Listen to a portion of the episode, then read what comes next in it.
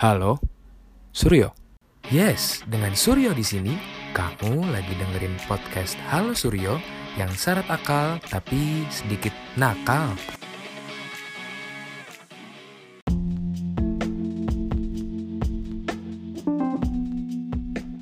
Halo semuanya, uh, balik lagi di podcast Halo Suryo. Asik udah episode yang ketiga. Uh, gue berharap kalian semua enjoy selama mendengarkan kemarin uh, podcast gue di episode 1 dan episode kedua uh, di mana gue udah ngundang beberapa tamu uh, yang menurut gue menarik banget untuk dikulik hidupnya dan saat podcast ini di take kondisi sekarang masih pandemi ya khususnya di Indonesia kondisinya juga ya semakin hari ada sisi buruknya, ada sisi yang bisa kita syukuri. Tapi gue selalu minta teman-teman sekalian di sini yang dengerin podcast gue untuk stay at home. Kalau misalkan kalian memang punya privilege itu, jaga kesehatan kalian, makan cukup yang teratur. Kalau bisa uh, olahraga pagi atau uh, pokoknya jaga kesehatan kalian lah.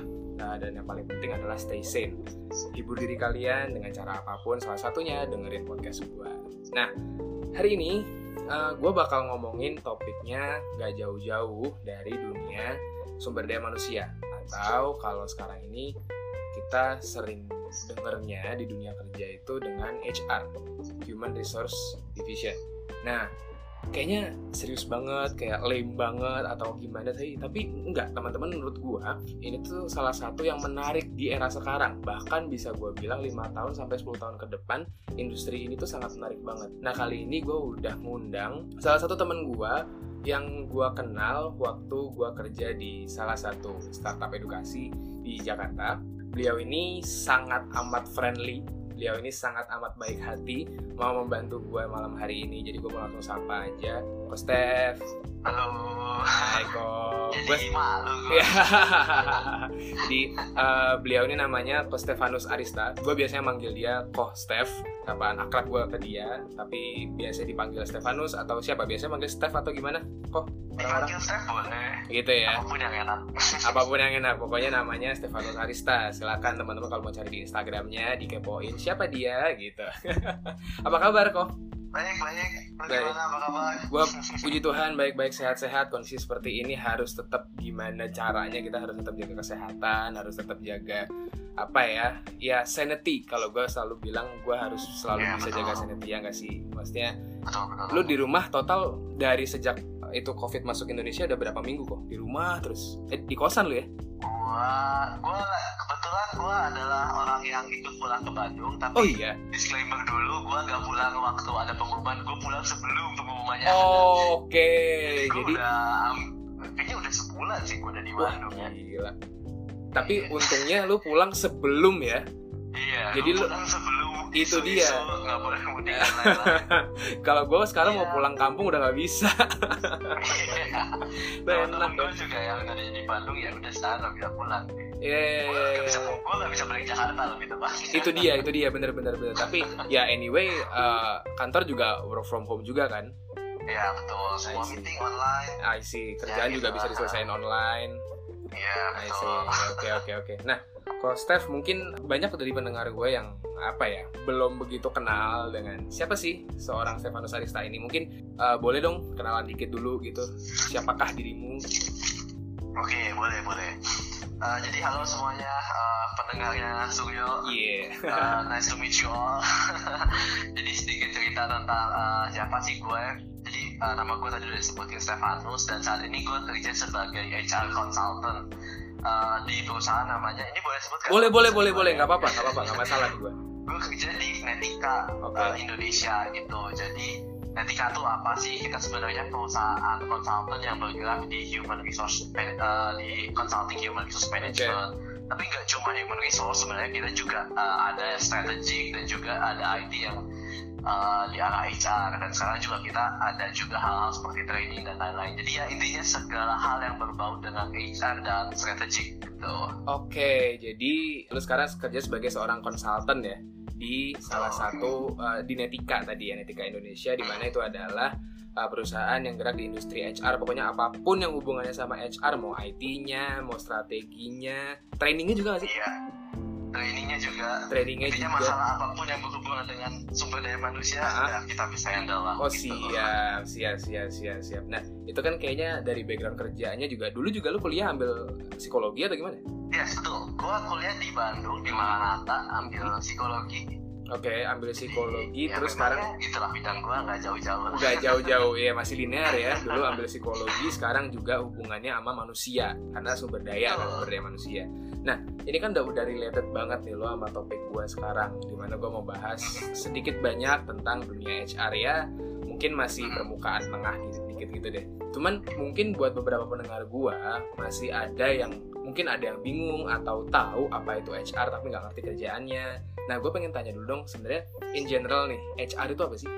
Oke, jadi kalau in general gitu ya buat Hmm. teman-teman mungkin pendengar lu mungkin juga ada yang masih kuliah kali ya. Mungkin bisa jadi. Ah, Bisa jadi ya. Oke, jadi kayak sebenarnya HR tuh ngapain sih? Uh, sebenarnya kita bisa dibilang mengurusi atau division yang kerjanya menghandle segala hal yang berhubungan dengan workforce. Maksudnya workforce itu apa sih? Jadi uh, berhubungan dengan manusia intinya gitu. Mulai dari pertama kali dia masuk bahkan even sebelum dia masuk ke tempat kerja, terus segala hal yang dia lakukan di tempat kerja dan juga sampai dia keluar, ya semuanya diurusin sama HR gitu. Jadi intinya gimana kita mensupport people yang ada di dalam organisasi ini supaya mereka bisa menjalankan fungsi organisasi dengan baik gitu. I see. Oke, jadi contohnya misalkan uh, gue adalah seorang uh, karyawan di satu perusahaan di bagian marketingnya.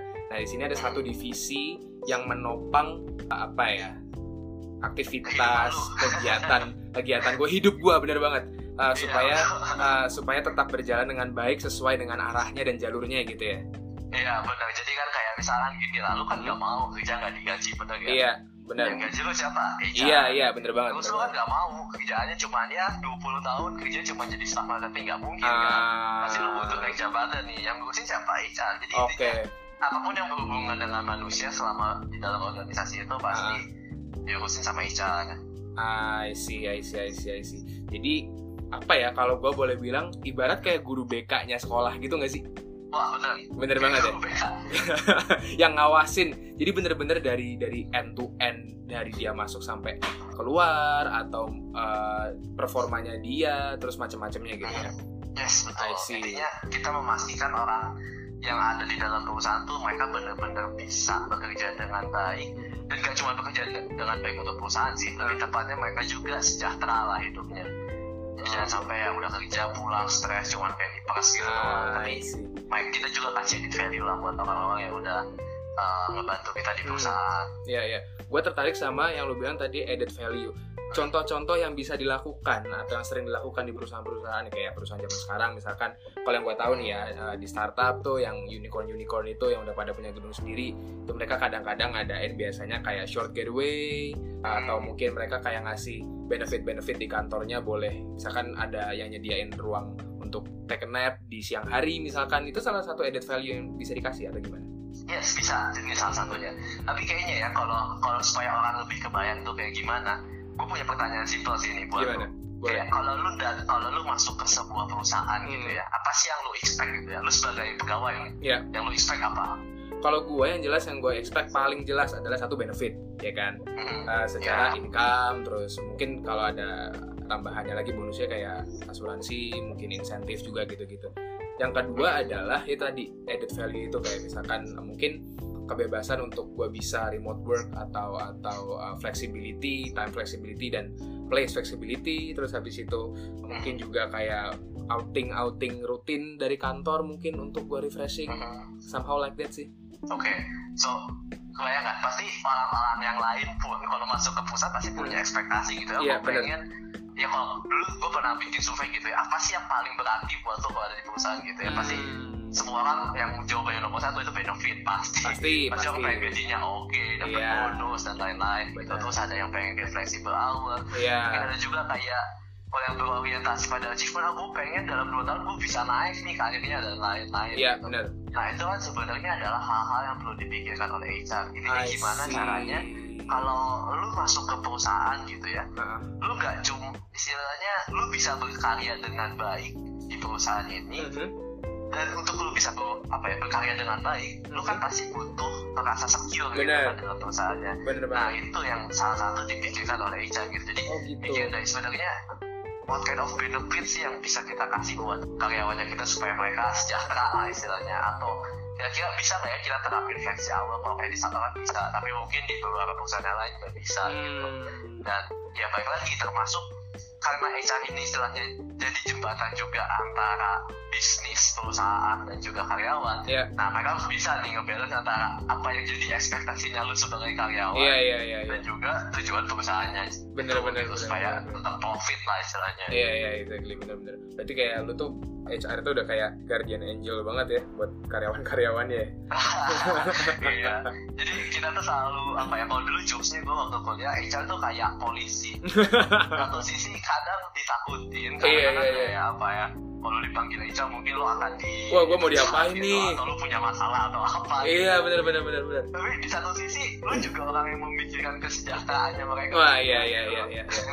pedang bermata dua ya Iya, pedang bermata dua itulah susahnya jadi HR ya ya ya ya keren keren oke jadi itu tadi adalah fungsi atau in general HR itu ngapain aja di kantor.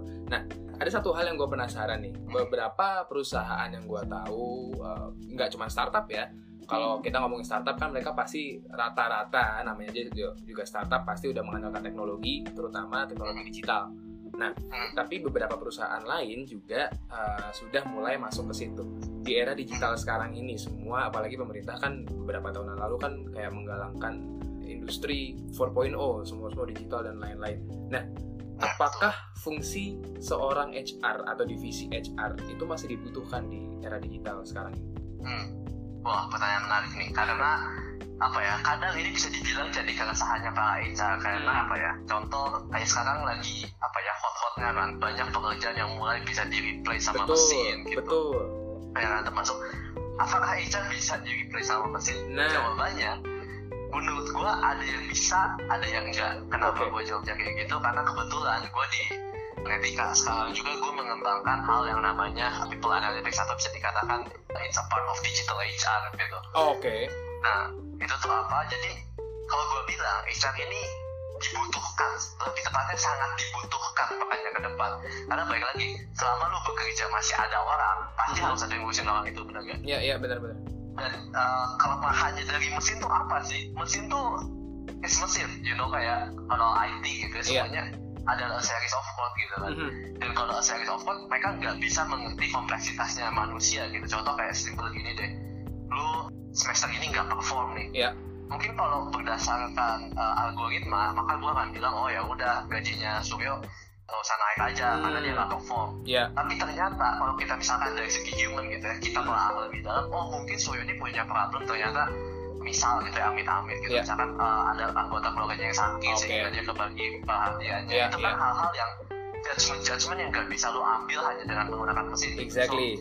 so, why ya HR masih relevan tapi memang HR yang tadinya sifatnya operasional atau ngurusin lebih kayak ya gaji, rekrutmen, training dan lain-lain perannya akan berubah, perannya akan menjadi lebih strategis gitu. Oke. kayak itu yang gue tekenin banget di people analitik di mana lu nggak cuman jadi jadi HR tuh nggak cuman apa ya ada request training atau ada request recruitment lu kerjain lu dapat orang lu selesai pelatihannya selesai gitu.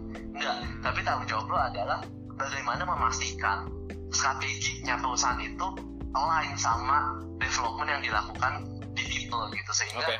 ketika gue sebagai HR melakukan sebuah strategi untuk mengembangkan orang-orang yang ada di perusahaan Mhm. itu benar-benar beneficial buat tujuan perusahaan Mhm. and at the other hand juga beneficial buat orangnya gitu mereka jadi lebih berkembang dan untuk melakukan itu itu butuh bantuan teknologi tuh sama kayak kalau kita di orang marketing pasti udah ngerti yang namanya digital marketing gitu Exactly, kan ada betul. yang namanya customer experience Iya. dan lain-lain ya kan itu itu digital banget tuh dan gak menutup kemungkinan hal itu juga dilakukan hal yang sama di HR gitu. Kayak sekarang ada yang namanya employee experience. Oh wow. mau kita butuh yang namanya teknologi. Kalau nggak ada teknologi kan kita nggak bisa aja ke sana gitu. Oke. so menurut gua tetap HR perlu banget tapi memang perannya ya bakal berubah seperti yang tadi gua bilang Oh, wah gue tertarik banget tuh tadi sebenarnya bahas yang apa namanya employee experience. Employee experience. Itu ya belum banyak sih perusahaan yang nerapin ke arah sana. itu gimana tuh Oh, maksudnya? mungkin mulai ada. Hah? Mulai mulai agak ada yang yang yang yang tertarik untuk ke sana gitu atau gimana? Ya, dan kalau di startup rata-rata mereka udah punya sih employee experience. Tahu gua ya yang unicorn unicorn ya. Mhm. Jadi itu itu apakah itu kayak mengutamakan mm, experience mereka sama bekerja di sini? Maksudnya kayak gue harus tahu nih sebagai perusahaan apakah lingkungan kerja staff-staff gue ini toxic atau enggak gitu maksudnya employee experience.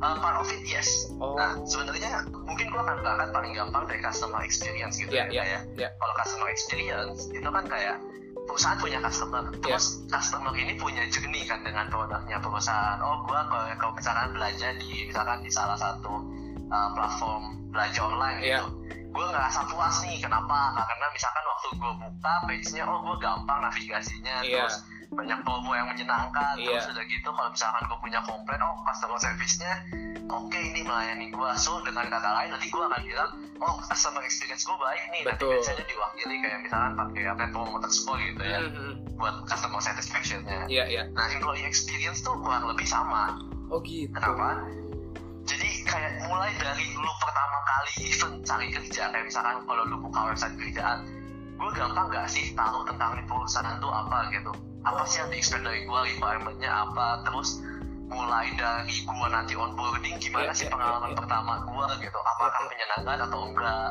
Hmm. kemudian waktu gue menjalani karir gue oh ya bener gak sih gue di develop dan lain-lain sampai akhirnya nanti dia keluar dia punya pengalaman yang menyenangkan gak sih Oh gitu. karena sama nih kayak konsepnya customer Iya. kalau customernya satisfied dia kan Mhm. bakal promosiin produknya Iya, ke iya. customer lain kan Benar benar banget. nah employee pun sama kayak one day diharapkan kalau dia exit gitu atau dia keluar dari perusahaan karena kan nggak mungkin lo kerja selamanya gitu Iya kan sih di situ. juga.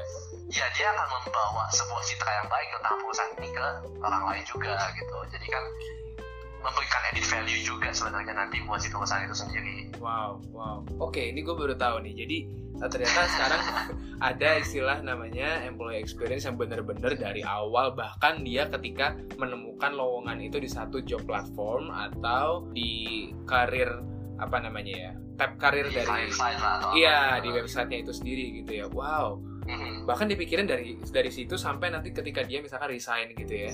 iya betul Wow. harus dipikirin sampai sana itu bisa dibilang part of digital gitu kan buat nge-track itu semua kan butuh digital kan Iya sih, bener bener bener bener. Mhm. Nah itu di situ tadi yang balik lagi ke fungsi HR di era digital sekarang gitu ya. Ternyata itu salah satunya. Mhm. I see, I see, I see. Nah tapi kalau misalkan di kayak let's say kita bahas yang sekarang aja lah ya, maksudnya era digital aja lah. Gitu. Kayak misalkan nih sekarang di era digital semua sudah ada teknologi, even HR pun juga pakai teknologi untuk memantau karyawan yang ada di kantor itu. Nah, gimana sih untuk menilai performa seorang karyawan di zaman sekarang? oke gimana cara untuk menilai performa di zaman sekarang good, good question sih sebenarnya karena apa ya dari tahun 2000-an sih kalau menurut gue pribadi sebenarnya nggak banyak perubahan tentang bagaimana HR menilai performance dari seorang karyawan gitu ya Mhm. karena gini kita kita ada kita harus lihat bahwa ada dua ada dua cara penilaian satu adalah penilaian yang menggunakan kuesioner yang kayak ya kalau biasa lu isi sebuah survei gitu Iya, iya, iya. itu kan subjektif ya karena Benar. semuanya adalah self assessment di Exactly. atasan nilai kinerja lu temen lu juga nilai kinerja lu bawahan lu nilai kinerja lu kalau lu manajer gitu Mhm. and the other hand ada berbagai macam tools contoh kayak misalkan balance scorecard ada yang namanya OKR uh, Oh, iya. mungkin kayak KPI. cukup familiar gitu kan ya isinya KPI KPI nah Iya. itu adalah matrix-matrix yang sifatnya objektif untuk bisa menilai performance lo gitu jadi istilahnya lu uh, dinilai itu secara objektif kayak misalkan gini lah kalau lu sales revenue lu harus misalkan uh, 10 juta gitu, Iya, misalkan ya itu kan objektif sih, kayak kalau lu udah nyampe 10 juta lu nggak perform kalau lu Oke. nggak 10 juta ya berarti lu nggak perform Iya. itu penilaiannya Iya. So, yang mungkin apa ya, yang membedakan sekarang adalah cara nge-tracknya. Kalau dulu mungkin manual, sekarang kalau lu bisa menggunakan bantuan teknologi, teknologi lu Mhm. bisa menilai performance lu secara lebih real time gitu. Makanya Oke. kayak kalau di OKR yang which dipopulerkan oleh Google, Iya. sebuah perusahaan teknologi, Betul. mereka kan bisa pantau kayak quarterly di saat kalau Exactly. dulu mungkin pemantauannya masih semester dan Hmm, lain-lain gitu. Betul, betul. Jadi kalau gue boleh bilang di zaman sekarang lebih apa ya lebih dipermudah ya dengan adanya teknologi untuk apa namanya menilai performa seorang karyawan gitu ya yes satu sisi dipermudah hmm. tapi di satu sisi juga sebenarnya jadi makin sulit ini jadi tricky oke okay, gimana tuh kenapa tricky gue bilang gini kalau lu salah pilih gini gimana ya kalau kalau mungkin zaman uh, sekarang itu kayak kalau lu salah pilih KPI istilahnya atau salah pilih matriks yang ditetapin buat uh, timnya lu atau buat diri lu sendiri bisa jadi lu mengambil sebuah perilaku perilaku yang gak produktif gitu yeah, contoh yeah. misalkan sales deh hmm. antara revenue lu satu sisi punya KPI revenue yeah. terus satu sisi lagi lu misalkan punya KPI leads. Ternyata seimbang nih. Okay. yang lebih gampang dikerjain yang mana menurut lo cari leads atau dapetin deal? Kalau gue cari leads sih. Bener gak sih? Cari leads bener kan? Iya kan lebih bener. gampang kan? Iya bener. Iya kan? So dengan nilai sama-sama 50-50 ya gue pasti akan fokusin cari leads. Gue bukan cari fokusin cari revenue. Oh, oh itu iya kan jadi juga problem ya. bener gak iya juga sih bener itu bener sesuatu bener, yang harus difikirkan gitu. I see, dan apalagi I kalau kita ngomongin sekarang eranya digital Iya. di mana segala hal makin nggak terprediksi. Kalau dulu istilahnya ya udah dari tahun ke tahun tinggal direplikasi aja paling targetnya dinaikin kalau sekarang kan mungkin lo harus berubah gitu. Isinya apa? Karena mungkin strategi perusahaannya jadi beda lagi arah perusahaannya beda lagi. Gue Hmm. pengen bikin produk baru lagi dan iya lain-lain gitu. iya iya iya iya. so ya makin gampang nge-track tapi juga butuh lebih strategis untuk dalam merumuskannya gitu Iya iya iya iya iya I see. Nah, terus itu dari semua matrix yang ada, terus semua jenis-jenis performer, uh, scorer atau grader yang ada dan teknologinya, gue cukup penasaran untuk menjadi seorang yang memiliki uh, seorang yang memiliki julukan good performer. Nah, misalkan nih, gue orang yang katakanlah di perusahaan gue pakai OKR gitu ya. Gue bagus semua, OKR-nya cukup baik, memenuhi semua yang jadi objektifnya. Tapi ternyata misalkan gue sebagai seorang karyawan, attitude-nya nggak mencerminkan apa yang objektif yang gue udah raih. Misalkan objektif gue perfect banget, terai- uh, terpenuhi semuanya, tercapai semuanya, tapi attitude gue di kantor jelek banget. Nah, apakah gue tetap dinilai sebagai seorang good performer? Oke, ini sangat tergantung dari perusahaan tuh punya value seperti apa. Oke. Kenapa gue bilang kayak gitu? So, biasanya kalau di HR Mhm. itu ada dua skor di ujungnya. Satu adalah eh, nilai KPI lo tadi, dan satu lagi adalah nilai perilaku lo. Jadi perilaku Oke. ini contohnya misalnya kayak kedisiplinan, terus Ah. tadi attitude gitu yang dinilai sama atasan lo, terus sama eh, kolega lo dan yang lainnya gitu Iya, iya, iya. nilai dua ini nanti akan disummarize menjadi nilai terakhir lu atau nilai performance misalnya nilai performance nilai PMS lah kita sebutnya nilai Ya, ya, performance ya. managementnya lu Iya, iya, iya, iya. nah bobotnya ini sangat tergantung ada mungkin perusahaan yang benar-benar sangat berorientasi pada pencapaian Mhm. mungkin bisa jadi cuma pakai nilai KPI doang gitu sama nilai Oke. perilakunya Oke. atau mungkin mereka berpikir ah, perilaku subjektif lah ya. Iya, iya, karena iya, iya. pasti ada subjektivitas di situ karena self appraisal kan Juga sih. penilaiannya tapi ada juga perusahaan-perusahaan yang memvalue oh gue lebih penting punya karyawan yang mau diajak kerja sama bareng mereka mau mikirin perusahaan dan lain-lain. That's why jadi mulai di balance nih antara perilaku sama KPI-nya Iya, iya. istilahnya kayak tadi benar kata lu bilang mungkin secara pencapaian bagus tapi secara attitude jelek gitu. Justru menyebabkan kayak timnya gak nyaman sama dia dan lain-lain. Masa kita bilang dia good performer sih? Hmm, ya juga benar. gitu. So balik lagi kadang ada perusahaan yang mungkin lebih memvalue pencapaian. Ada juga perusahaan yang lebih memvalue perilakunya lo gitu jadi nggak pernah ada rumus yang fix sih untuk itu kayak gimana Oh, I see, I see. Iya, iya, Mhm. iya, iya, iya. Eh, eh, eh, eh, tunggu, tunggu, tunggu, tunggu. Bentar, bentar. Kalau kamu mau bikin podcast kamu sendiri, langsung aja klik ke www.anchor.fm, lalu bikin akun kamu sendiri, dan jadi deh, kamu bisa bikin podcast kamu sendiri. Gampang kok.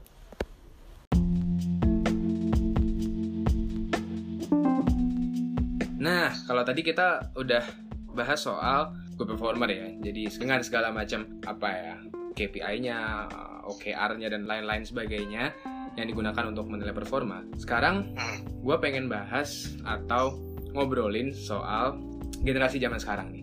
Gua gua nggak jarang ya, gua nggak jarang entah itu di internet, entah itu di di di mana pun lah gue ketemu orang langsung, pasti ada satu topik atau satu hal yang membahas generasi zaman sekarang itu kalau kerja tuh ya ampun. Pasti gitu satu. Atau generasi zaman sekarang tuh ya ya ampun. Mereka tuh jago-jago banget kalau suruh ngide kalau suruh kreatif. Tapi kalau udah ngomongin etos kerja misalkan atau udah ngomongin loyalitas itu susah banget. Nah emang emang generasi zaman sekarang tuh sendiri di mata para HR itu bagaimana sih? Gue heran deh serius Iya iya, gue kebayang betul. Bayang kan? Sebenarnya di pada maka HR ya, ini Oke, baik lagi ada HR yang generasi kita juga ada HR yang generasi O.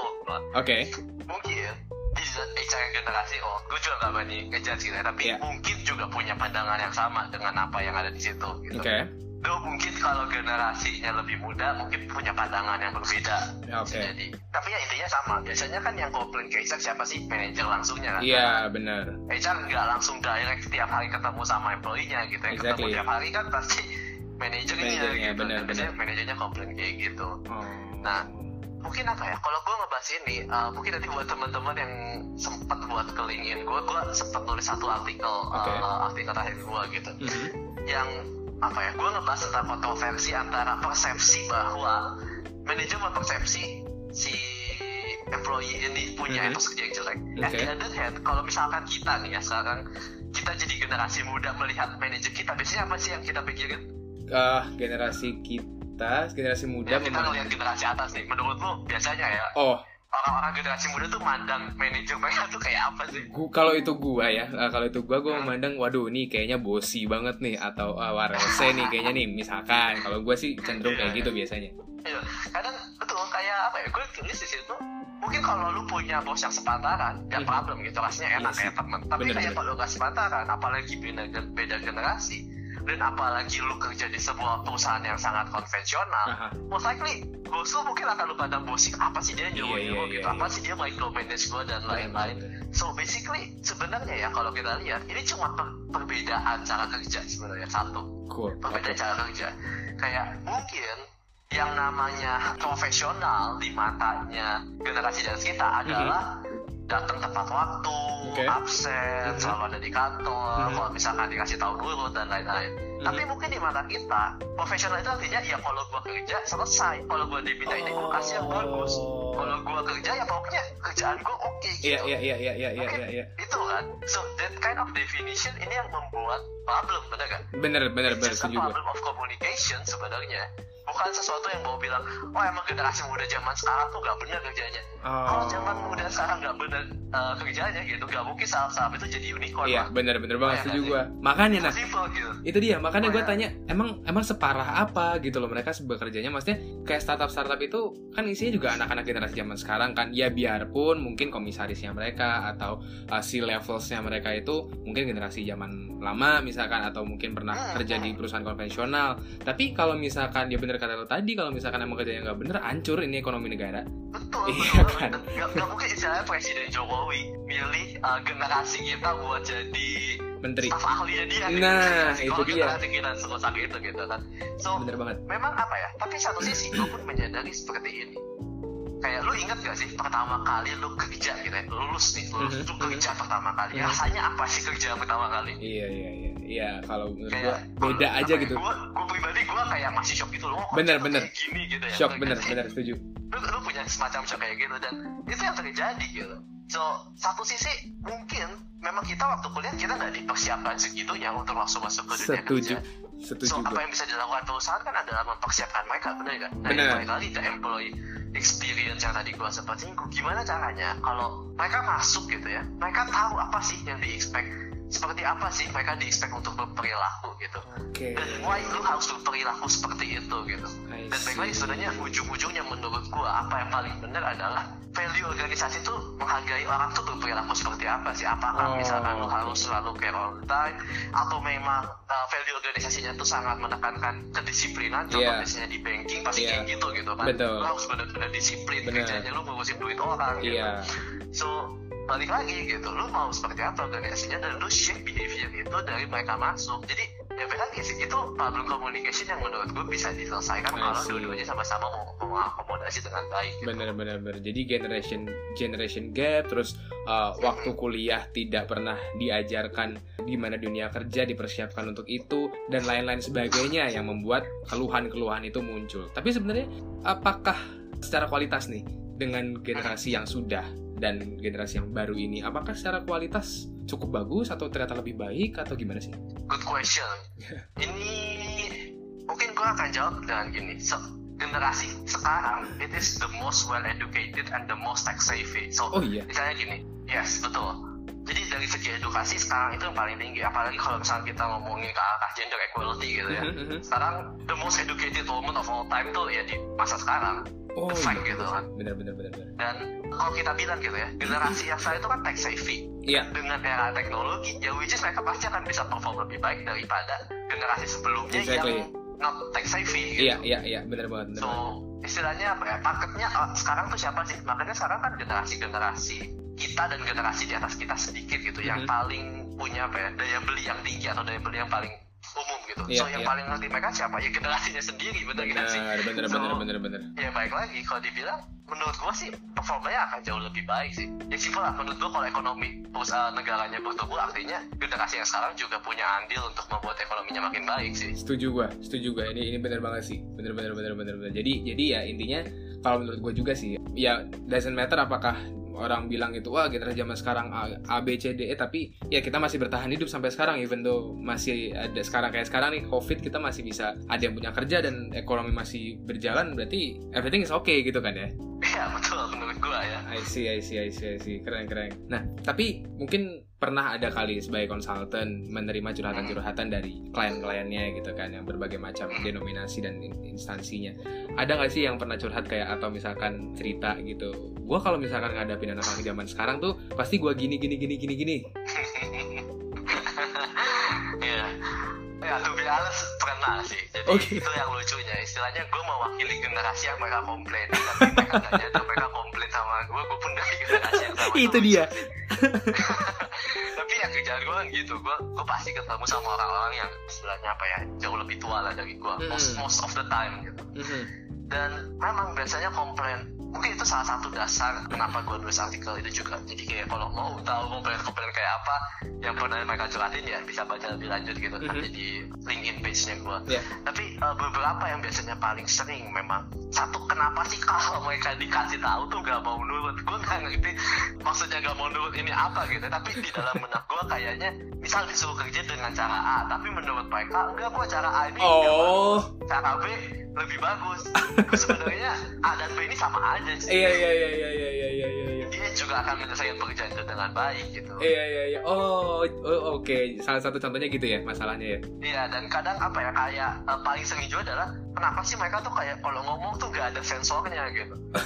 ya sebenarnya kan bukannya gak ada sensornya tapi kayak kalau lu anes misalkan gitu ya di, di meeting gitu. Iya iya. Ada sebuah ide terus misalkan lu memberikan kritik terhadap ide tersebut ya kan sebenarnya untuk kebaikan idenya gitu. Iya kan? sih benar tapi mereka mungkin menganggap bahwa cara penyampaiannya kurang sopan dan lain-lain. Hmm. Ya ya that kind of thing lah. Iya iya iya iya ya. benar benar benar benar. Oke oke oke menarik ya kalau ngomongin zaman sekarang di kantor tuh. Ya tapi gue juga pengen tahu nih kayak misalkan Hmm. oke dengan segala macam keluhan yang ada dan yang masuk dan cerita ceritanya. Tapi Hmm. misalkan nih lu apalagi lu juga sebagai tanda kutip pelakunya ya dari generasi yang datang dari generasi zaman sekarang, ya kan? Iya, Nah iya. itu Ya benar. apa yang dibutuhkan seorang yang datang dari generasi zaman sekarang atau yang biasa disebut Gen Z ya untuk survive di dunia kerja di era sekarang? Yes, good question sih. Mungkin ini punya sedikit gue memix dengan pandangan personal gue ya. Mhm. Buat gue di dalam sebuah dunia profesional, lu nggak cukup cuma punya skill yang oke, tapi memang harus di balance dengan attitude yang baik pula gitu. Exactly. Kenapa? Gak akan pernah ada sebuah tempat yang pure dari yang namanya politik. Maksud gue politik Hmm. bukan dalam arti yang jelek ya, tapi Ya. maksudnya sebuah kondisi di mana gue akan nyaman nih kerja sama lu. Kalau gue nyaman ker- kerja sama lu, gue akan lebih mudah berkolaborasi dengan lu gitu. It- Hmm. That's what I mean gitu. Ya ya ya Dan ya. ya. istilahnya kayak kalau gue udah gak nyaman sama lu, gue kan gak mau istilahnya menjalin kerjasama yang oke sama Iya, lu iya, gitu. Dan kalau itu terjadi, yang dirugiin siapa sih? Yang satu Hmm. pasti perusahaan dirugiin gitu. Iya. Tapi lu juga sebagai orang lu akan dirugikan. Oke. So mau nggak mau lu perlu ngebalance antara skill lu dan juga attitude lu kalau Ya. tadi lu sempat bilang gitu benar-benar dan maksudnya attitude yang diharapkan itu apa sih buat gua sesimpel know the norm saja know the rules di tempat itu kayak gimana kalau rulesnya adalah bahwa mungkin gua bisa bilangnya apa ya bukan written rules tapi unwritten rulesnya kayak Hmm. sesuatu yang lu bisa akses mungkin kayak tiga bulan pertama lu kerja kayak kalau manajernya sifatnya apa ya? Kayak nggak suka diganggu weekend gitu misalkan Hmm, ya, oke. ya lu jangan ganggu weekend. Iya lah. benar benar benar atau benar kayak kalau misalkan dia nggak suka diganggu kalau dia lagi sibuk ya lu jangan ganggu dia kalau lagi sibuk iya gitu. iya iya. Iya ya lu cari waktu yang yang tepat gitu. Dan Iya, kind of thing sih sesuatu yang gue juga nggak bisa bilang apa ya. Nggak ada general rules yang lu harus gimana tapi intinya lu mencoba beradaptasi dengan unwritten rules-nya atau unwritten culture-nya yang ada di Iya, tempat iya, kerja iya. itu sih I see so you have a good relationship with them intinya kan gitu Oke oke oke. Jadi itu tuh kalau gua rasa itu ngomongin soal sense ya. Jadi kayak apa ya? Kalau misalkan menurut gue itu itu tuh kayak ngomongin soal seberapa bisa sih lu tuh untuk beradaptasi dengan lingkungan lu. Salah satunya yang dibutuhkan adaptasi selain lu bisa berkomunikasi dengan baik itu adalah tadi ya mengikuti unwritten rules yang ada di perusahaan itu gitu ya. Yes betul dan mungkin gini bukan berarti kayak ya lu jadi submissive dan Iya, iya, iya, iya. uh, cuman ngikut doang gitu Hmm. kayak apa ya bahasa kasarnya kan kayak bilangnya kambing cowok gitu Iya iya iya. iya. tapi maksudnya lu menyesuaikan diri dengan seperti apa sih tempat kerja lu saat ini gitu. Oh, I see, I see. Tapi selain kayak tadi uh, performance dan attitude yang lu bilang tadi, apakah perusahaan-perusahaan zaman sekarang tuh sangat mengagungkan, mengglorify uh, CV-CV yang sangat luar biasa gitu nggak sih kok? Maksudnya apa tuh yang Jadi- luar biasa? Nah, jadi kadang-kadang gini, gua gua nggak tahu, gue pernah baca di mana, gue lupa di Twitter kalau nggak salah itu ada yang CV-nya bagus banget, Uh, secara CV, tulisannya, secara skill-skill yang dia tulis, yang pengalamannya organisasi, mungkin katakanlah fresh grade ya, pengalaman organisasi dan uh, magangnya dia itu bagus banget. Tapi ternyata once dia di interview diterima uh, dan kerja tidak sesuai yang ditulis di CV-nya. Hmm. Apakah perusahaan zaman sekarang masih ma- sangat ya biarpun memang CV dan resume dan lain-lain itu tetap dibutuhkan ya untuk melamar kerja ya. Tapi ada nggak sih kayak misalkan, oke gue tetap bahkan terima CV lu, tapi yang lebih penting adalah bisa nggak lu kerja sebenarnya gitu. Bisa bertanggung jawab nggak atas yang lu tulis di CV ini gitu. Hmm. Ya, jadi so ini lebih apa ya? Kayak apa yang lu perlu lakukan ketika lu nulis CV lu gitu ya? Iya mungkin salah satunya itu dan dan, Ya. dan gampangnya gini deh to simplify supaya perusahaan itu tertarik sama CV lu gitu deh. Hmm, hmm. Oke. So, uh, to be honest, for, for several company, yes. Oke. Uh, istilahnya kayak background pendidikan lu itu really matters. Iya. Kayak Benar banget. mungkin IPK lu masih matters. Jadi kayak ada orang-orang bilang "Ah, KPI nggak matters, yang penting lu punya pengalaman organisasi Iya, iya, juga iya. sih. Buat several organization, yes, masih Hmm. masih dilihat gitu. It- it's the fact yang gua nggak bisa pungkiri juga gitu. Iya. iya. Tapi mungkin gue punya analogi gini. Coba kita sama-sama berempati ya kalau kalian jadi recruiter gitu. Mhm. Menurut lo ya, berapa CV yang seorang recruiter bisa lihat dalam sehari? Kalau menurut gua nggak lebih dari 15. Nggak lebih dari 15. Iya, karena Oke, capek kasih tahu itu ya. baca. Temen gua itu Aha. recruiter. Dia Aha. pernah harus screening 1000 CV sehari. 1000. Serius? Bukan 15 ya. Gila, 1000. Bayangin ya. Sebanyak itu ya. Ya lu kebayang aja kayak sekarang nih, misalkan sebuah uh, unicorn gitu ya. Iya, iya. lowongan kerja di platform online. Mhm. Yang yang lihat berapa orang? Satu Indonesia, bener gak? Iya sih, bener sih. Iya kan? Iya, iya. kalau pekerjaan yang cukup general gitu, misalkan business development. Iya. Pasti jurusan ekonomi tuh banyak banget Banyak yang kayak banget, bener, itu, bener, bener? Even yang nggak ekonomi So- pun juga bisa masuk gitu kan. Iya, Nah. ekonomi pun bisa masuk gitu. So buat gua, ya memang kebanyakan dari mereka akan ngelihat oke itu dari segi background pendidikan dan lain-lain gimana sih. Tapi buat gua tips paling penting dan ini tuh juga terjadi sama diri gua gitu ya. Adalah apa sih yang menjadi ciri khas unik diri lu dibandingin dengan yang lain. Tanpa lu harus kayak mengagungkan CV lu kayak lu punya skillnya sehebat apa dan lain-lain gitu. Hmm, maksudnya lu ngelis skill lu yes tapi bukan berarti kayak lu jadi exaggerating oh gue super duper expert bahkan gue sangat sangat expert lah pokoknya nggak ada satu segitunya juga tapi kayak what is the unique value that you have yang lu nggak punya nggak yang gak orang lain temukan di tempat yang lain contoh kayak kalau di CV gue Hmm. gue tulis bahwa di dalam journey-nya gue gue sangat suka dengan yang namanya people analytics dan pekerjaan gue di training membuat gue menemukan passion gue tuh people dan Hmm. mission gue yang gue pengen bawa adalah untuk membawa employee ini punya kehidupan yang positif karena kalau mereka punya kehidupan yang positif mereka akan happy kerjanya dan mereka akan bisa produktif buat Yeah, perusahaan that's yeah. the goal that I want gitu loh Hmm. itu yang gue tulis di CV gue bagian skill ada nggak ada juga sih di bawah tapi waktu itu pernah salah satu rekruter manggil gue dan dia bilang dia panggil gue tuh sebenarnya ya gue jabatan itu tuh harusnya gue belum bisa lah untuk apply di jabatan itu gitu Mhm. tapi gue dia panggil gue karena dia tertarik ngelihat headline pertamanya gue itu gitu Oh gitu. mungkin iya karena karena tulisan satu paragraf utama gue di atas gitu Iya iya iya Dan iya. baru dia konfirmasi ke gue ke bagian bawahnya untuk ketemu interview gitu so that kind of thing yang menurut gue perlu sama-sama kita tulis di CV karena ya baik lagi coba kalau jadi recruiter gitu ya misalkan nih ya uh, Hmm. lulusan universitas X Ah. yang kita anggap Iya. terkenal gitu Iya. ada 500 orang ngelamar dari universitas yang setara gitu gimana caranya gue bisa spot satu orang menurut gue dia adalah orang yang valuable I see. ya kan Bener, pasti bener. mulai dari kita tak kenalin dulu dia tuh kayak gimana sih karakteristiknya dan buat gue satu paragraf di depan Yes. kayak summary tentang diri lu itu yang paling menggambarkan siapa sih lu gitu I see. termasuk kayak lu pilih desain lu pilih desain kayak apa sih what kind of person yang lu cerminkan dari desain yang lu pilih Betul gitu. betul.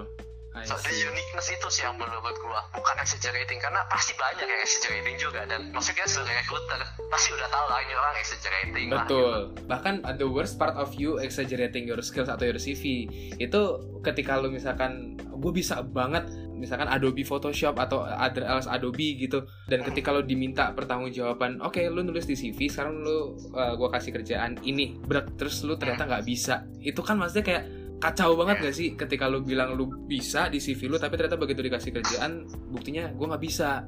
Dan itu banyak Iya, terjadi gak sih kok? banyak. Banyak ya nyatanya yang kayak gitu ya? Ternyata. Nyatanya ya, especially gini, ketika sistem rekrutmennya belum mature, maksudnya belum mature gini, banyak assessment yang dipakai oleh recruiter untuk bisa menilai bener gak sih dia bisa melakukan hal ini. Mhm. Especially kalau misalkan kayak kayak tadi gitu ya, contoh misalkan Photoshop.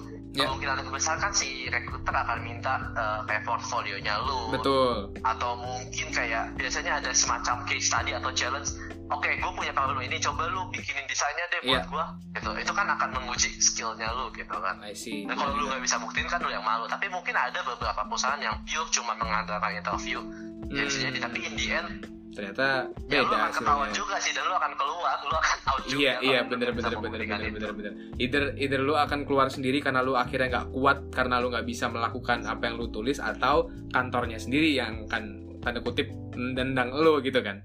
Yes betul betul.